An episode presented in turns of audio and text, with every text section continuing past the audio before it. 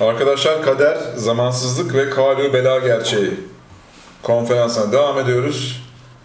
Araştırmacı yazar Bahattin Sağlam ile beraberiz. Tekrar hocam hoş geldiniz. Hoş bulduk.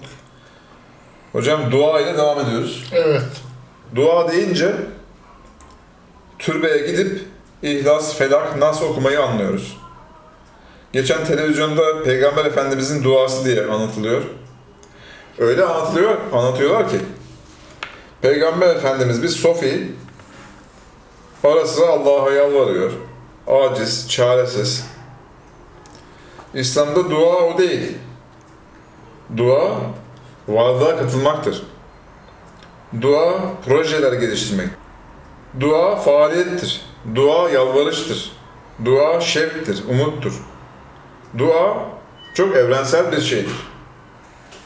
Demek dini kavramlar evrensel iken, gerçek varlığın içinde aktif birer rol iken, aktif birer hakikat iken, biz onları hurafeleştirmişiz. Birey bazına indirmişiz.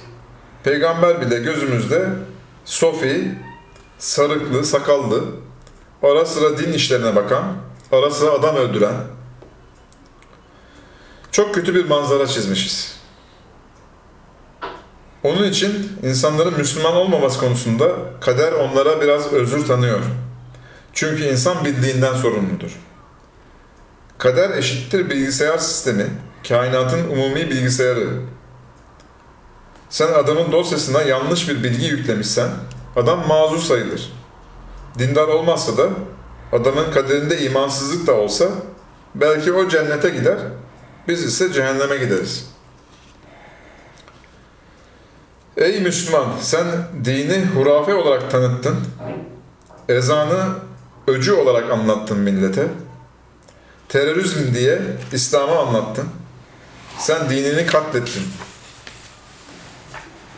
Binlerce evrensel kavramı, başta kader olmak üzere, yobaz, gerici, anlatılmaz, yaşanılmaz bir hakikat olarak anlattın. Adamın bilgisayarına doğru düzgün bir bilgi yüklemedin ki adam Müslüman olsun. Haliyle o cennete gider, sen de cehenneme gidersin. Soru. Şimdi iman edenler her şeye rağmen iman etmiyorlar mı? Orada biraz torpil geçilmiyor mu?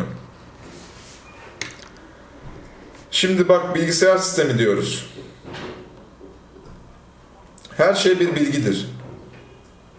Bak burada konuşmamız bir bilgi. Dinlemeniz bir bilgi. Adamın kötü olması bir bilgi. iyi olması bir bilgi. Cennete gitmesi bir bilgi. Cehenneme gitmesi bir bilgi. İşte kader budur. Peki hadisenin özü nedir? İyi bilgi, kötü bilgi. Yani bilgi olmayan bir nesne yoktur. Kainatta dijital olmayan bir şey yok. Tepeler, dağlar, her şey dijitaldir. Her şey matematiksel ve geometriktir. Her şey bilgidir. Burada biz Allah'ın yardımcıları oluyoruz. Ayet, ey müminler Allah'ın yardımcıları olun diyor.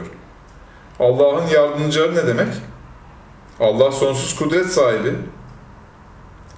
Yani sisteminin yardımcıları olun demektir. Sistemini güzelleştirmek demektir. Adam ezanı öcü olarak biliyorsa biz de ezan okumakla adama tebliğ yapmış olmayız. Kur'an'da beyine gitmeden adam kafir olmaz diye ayet var.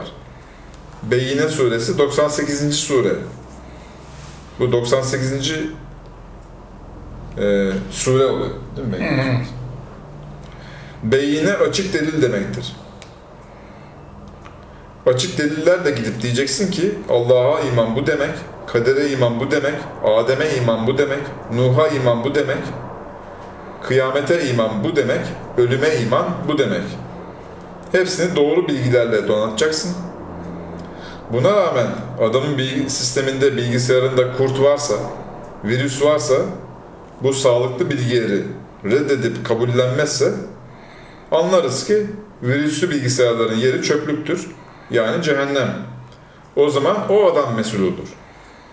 Eğer adam safsa birinci kalite bir bilgisayar sahibi Ama binlerce kilowatt değerinde hard diski var. Belki bizden çok daha zeki ve akıllı. Fakat Müslümanlardan adamın kaderini değiştirecek kimse yok. Demek bu umumi sistem içinde bizim sorumlu olduğumuz manasına gelir. Madem Müslümanız, öyleyse biz sorumluyuz.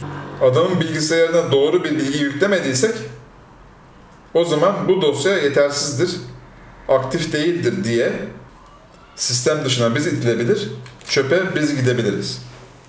Çünkü hangi dosya, hangi bilgisayar aktif görevini yapmazsa, virüslenir veya kurtlanır veya çürük davranırsa, onun yeri seleksiyondur.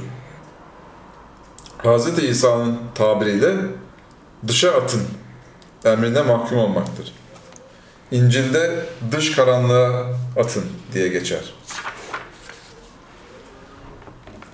Cehennemin bir ismi de dış karanlıktır.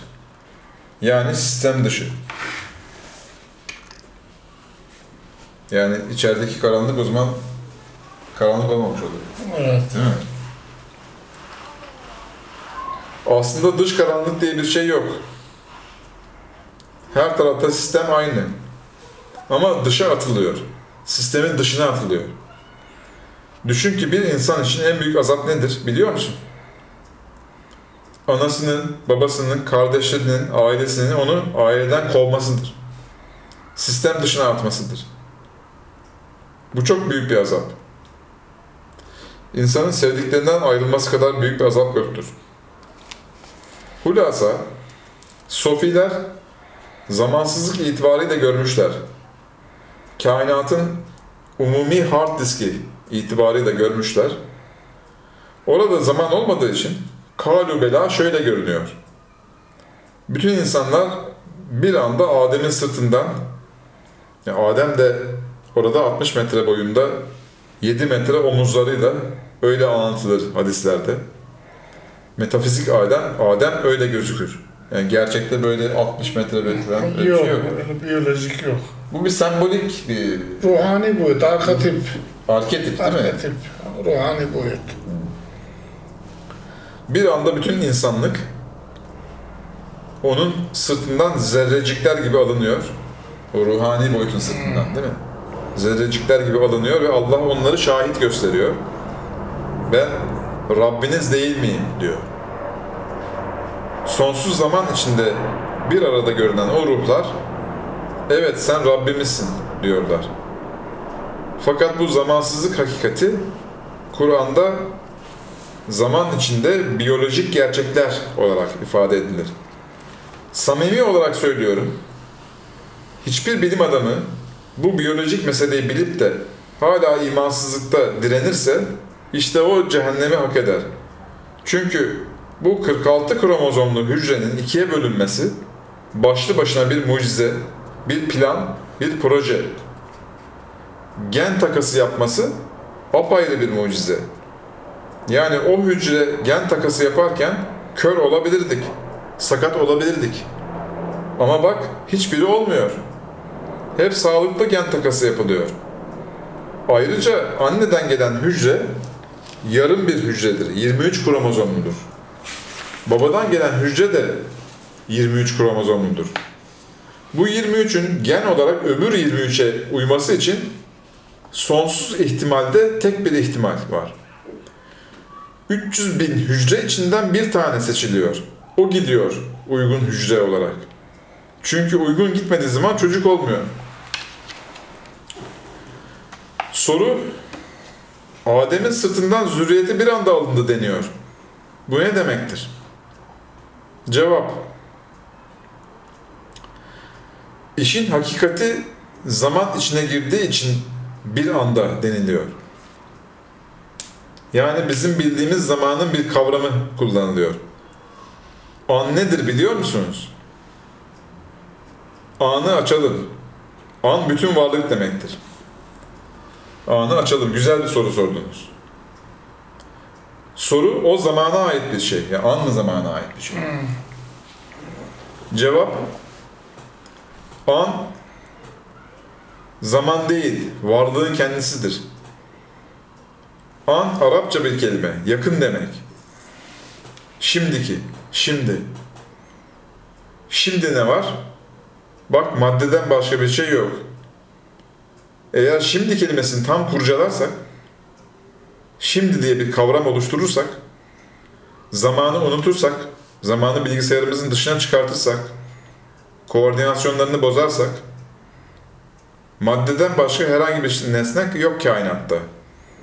E Allah, ruh, cin, melek nerede kaldı? Onlar işin şahs manevileri, ruhani boyutları.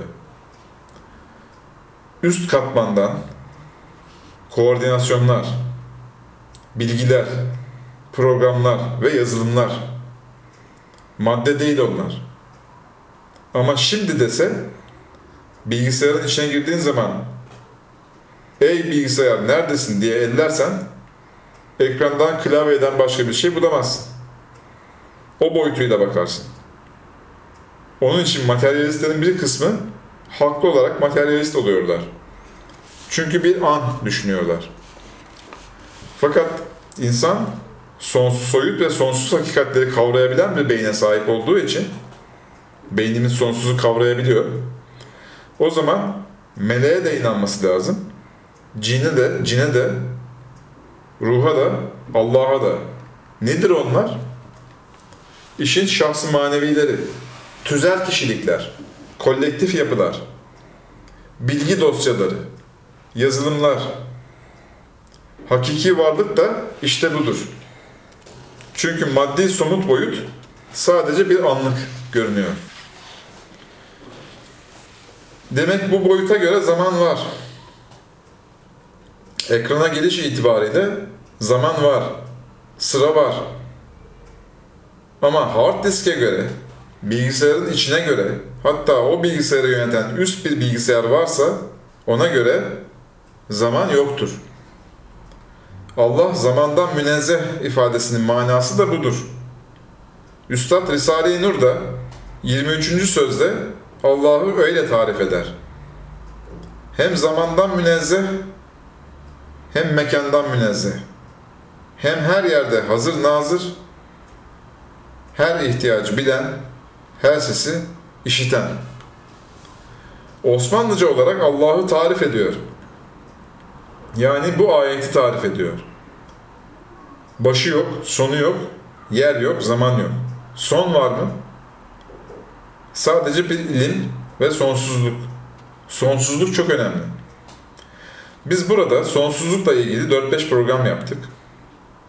Evet zaman içinde dar noktalarda boğulmayıp sonsuz şeyleri algılamak çok önemli bir meseledir. Zaten bizi kafirlerden ayıran fark da budur. Kafir bilgisayarın ekranında, klavyesinde, renklerinde boğuluyor. Biz bütün bilgiyi kuşatıyoruz bir anda. Kafir sonlu düşünür. Dünyayı da sonlu görür, varlığı da öyle görür, Adem'i de sonlu görür. Nuh'u da sonlu görür, kıyameti de bir tane görür. Ama gerçek mümin her şeyi sonsuz görür. Gerçek iman her sahada sonsuzluktur. Fakat maalesef bir insan gördüm, çok yakın birisi bana. Çok kuvvetli imanı var. Yani Allah için kendini feda edebilir. Ve çok sıkıntı çekti. Bu kadar imana rağmen bu insan niye bu kadar yanlış yapıyor, kötü işler yapıyor, imanının gereğini yaşamıyor diye sordum. Bir anda şu cevabı buldum. Sonsuzluk kavramını bilmiyor. Dolayısıyla gerçek Allah'a inanmıyor. Onun kafasında hayali bir Allah var. Hayali bir namaz var. Namaz kılarken de o kendi içindeki hayali Allah'a namaz kılıyor. Her şey küçük onun dünyasında. Dolayısıyla yaptığı neticeler de küçük kalıyor. Onun içindir ki cennette bir insana dünya kadar yer verilecek denilmiştir. Ne demek? Ne demek? Ya ben kim olmuşum? 60 kilo etim. Nasıl bana dünya kadar cennetten bir yer verilir diye sorulursa bu sonsuzlukla izah edilir. Sonsuzluk kavramı ve imanıyla öyle sonsuz bir varlık, bir gelişme, bir mükemmellik, bir sağlık, bir iman, bir aktivite yakalıyorsun ki o işin mükafatı ancak dünya kadar bir yer olmalı. Onun için biz çok şanslıyız imanlı olduğumuz için. Fakat içinde kalmayacağız. Geçenlerde bir ansiklopedide okudum. Türkiye'nin resmi dili Türkçe, İngilizce, Fransızca yazıyor. Ansiklopedide yazıyor.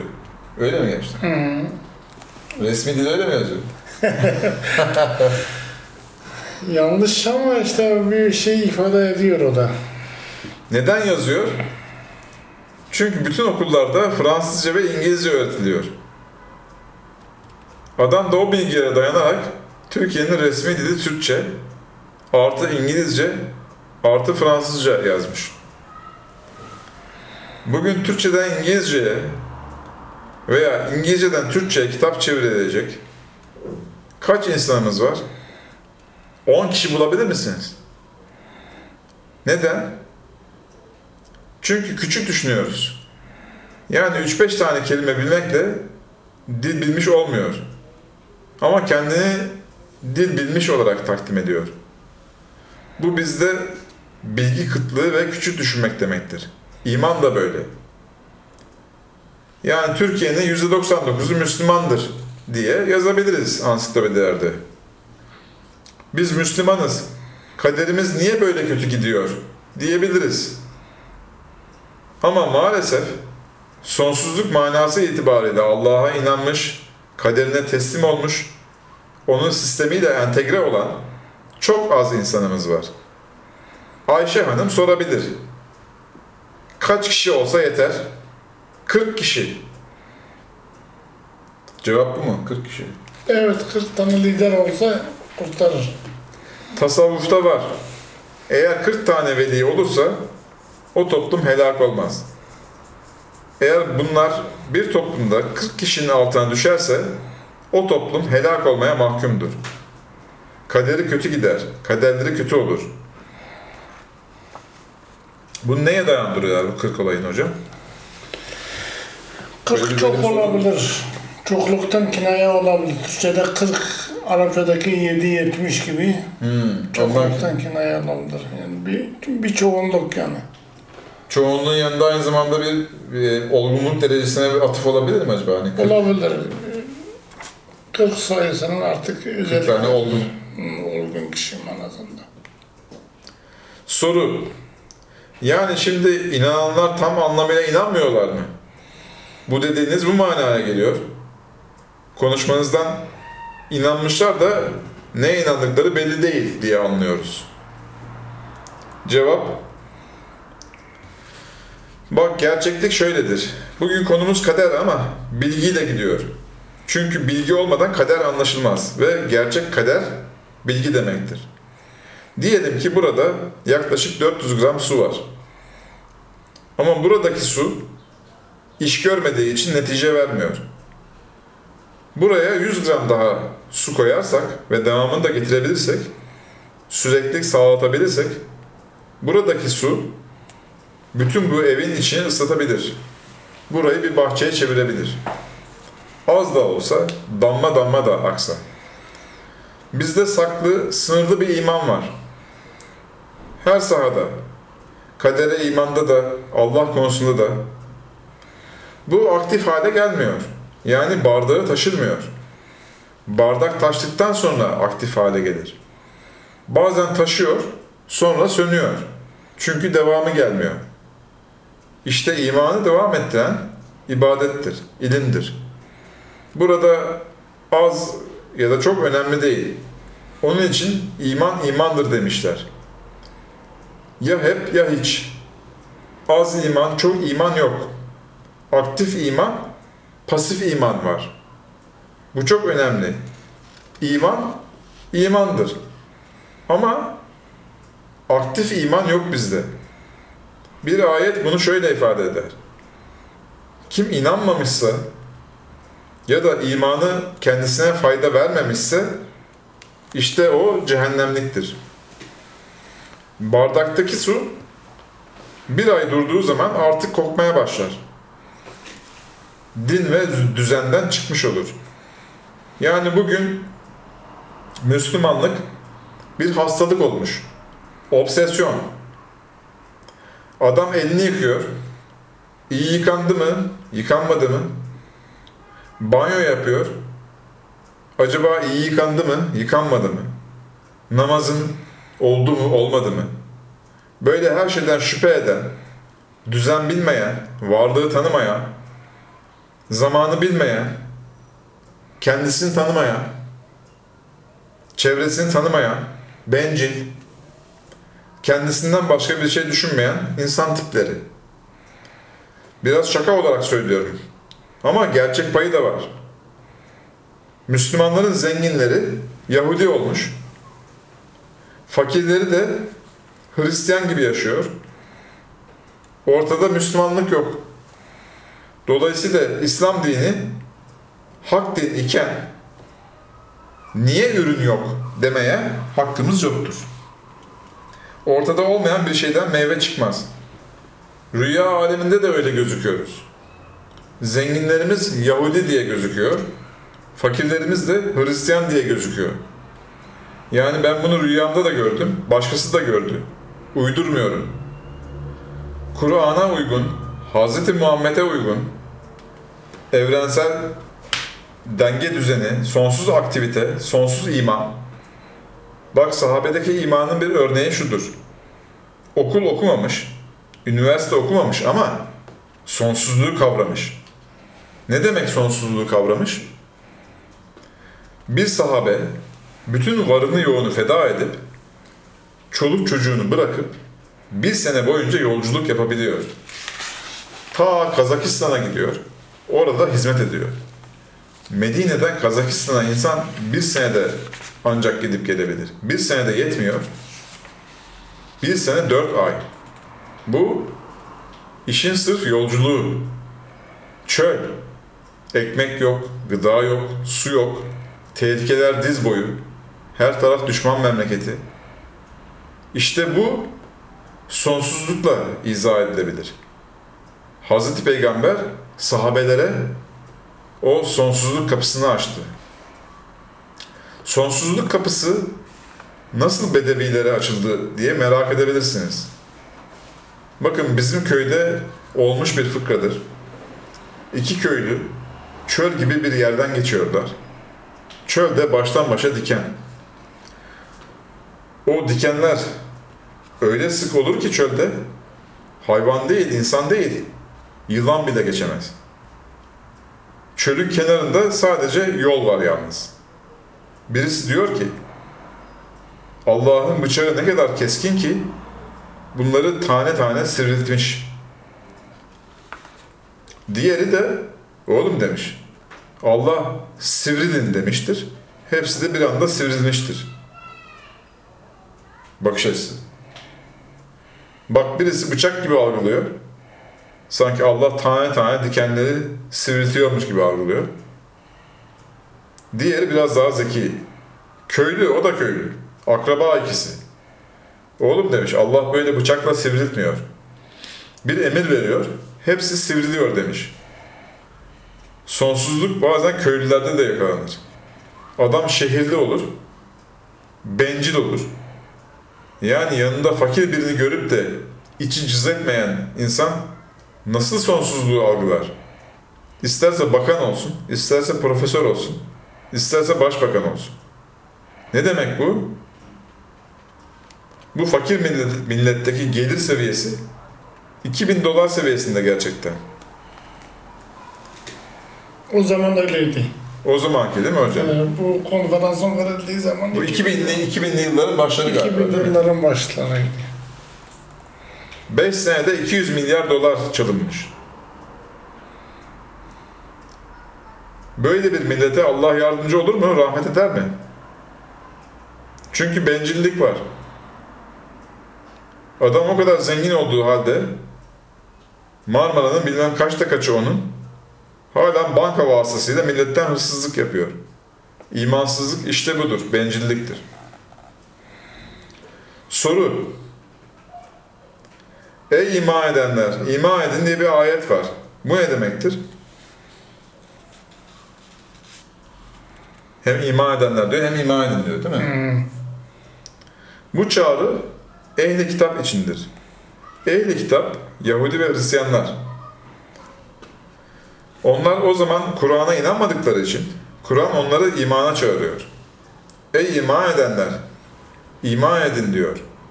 Bu emir bizim için de geçerli. İsmimiz Müslüman. Ama Kur'an bize bir daha iman için çağrı gönderiyor. Hulasa imanın, başta kadere imanın gerçek ölçüsü şudur. Her şeyi, herkesi kendin gibi görsen gerçek imana yaklaşmış olursun. Ve bu noktaya gelmedikçe hiç kimse ben gerçek imanı elde ettim diyemez. Her şeyi, herkesi, taş, toprak, bütün varlığı kutsal bileceksin. Her olayı kutsal bileceksin. Kanser olmuşsun, bu ne büyük bir nimet diyeceksin. Her olayı, her şeyi kendi öz varlığın kadar seveceksin. Başta ölümü seveceksin. Bu da en zoru galiba değil mi hocam? Evet. Aslında yani. Ölümü sevmeyen bizden değildir diye bir hadis var. Bir hadiste peygamber aleyhissalatü vesselam sahabelere diyor ki bir gün gelecek siz şöyle şöyle yenileceksiniz. Artık cihat edemeyeceksiniz. Ya Resulallah biz o zaman az mı olacağız çok mu? diyorlar. Hayır. Siz belki beş kat daha çok olacaksınız diyor. E, e nasıl olur biz az iken yeniyoruz, çok iken yeniliriz? Ölümü kerih göreceksiniz, iğrenç göreceksiniz diyor. Evet, başta ölüm, para kaybı, övülme sövülme meselesi, dedikodu olsun ki kadınlar için iftiraya maruz olmak çok büyük bir azaptır ben bilirim. Erkekler malda kaybedince onlara çok büyük bir azap olur. Kadınlar iftiraya uğrayınca onlara çok büyük bir azap olur. Bu gibi kritik noktalarda dahi ey musibet, ey kader sen ne güzelmişsin. Nereden geldi bu güzellik diye iç dünyamızdaki entegrasyonu, bütünlüğü bozmayacağız. Ona teslim olacağız. Kadere teslim olacağız. Men amene bil kaderi emine min- minel kederi. Doğru mu? Evet. Kadere iman eden, yani kadere gereği gibi bağlanan bütün sıkıntı ve kederlerden, bunalımlardan kurtulur. Evet, her şeyi, her olayı, herkesi kendin gibi seveceksin. Çocuklarım bana kızıyor. Sen yabancı kızları bizim gibi görüyorsun. E ne yapayım? Gerçekte öyle. Hepimiz kardeşiz. Hepimiz akrabayız. Varlık bir tane. Yani kainat bilgisayarı dışında başka bilgisayar yok ki ben birilerini yabancı göreyim, birilerini yakın göreyim, birilerine torpil geçeyim, birilerine geçmeyeyim. Gerçek iman budur. Hz. İsa da bunu yaşatmak için annesi, kardeşleri gelmiş. Ya İsa dışarıda annem ve kardeşlerim bekliyor dendiğinde annem kardeşlerim kim diye sormuş. Ve gerçek annem de sizsiniz, kardeşlerim de sizsiniz demiş. Gerçi anasını kardeşini de çok seviyor Hazreti İsa. Onlara çok bağlı ve onlara yetiştirmiş de. Bazı dinsizlerin sandığı gibi İsa ailesini reddetmiş demek değildir. Yani iman dairesinde herkesi ailen gibi görüyorsun. Herkesi annen gibi görüyorsun. Herkesi kardeşin gibi, kızın gibi görüyorsun. İman bu bütünlüğü sağlıyor. Onun için iman mucizedir. Başta Allah'a iman, sonunda kadere iman diye Evet. Bu da kaderin ahlaki boyutu. ahlaki boyutuydu değil mi hocam? Boyutuydu. E, konumuz kader olunca Çok içerik var. Değil mi? Boyutlar ayrı ayrı hepsini iş- işliyor. işlemek gerekiyor. Arkadaşlar Kader Zamansızlık ve Kalubela gerçeğinden bir bölümü daha bu hafta okuduk. Haftaya son bölümde görüşmek üzere. İzlediğiniz için teşekkür ederiz.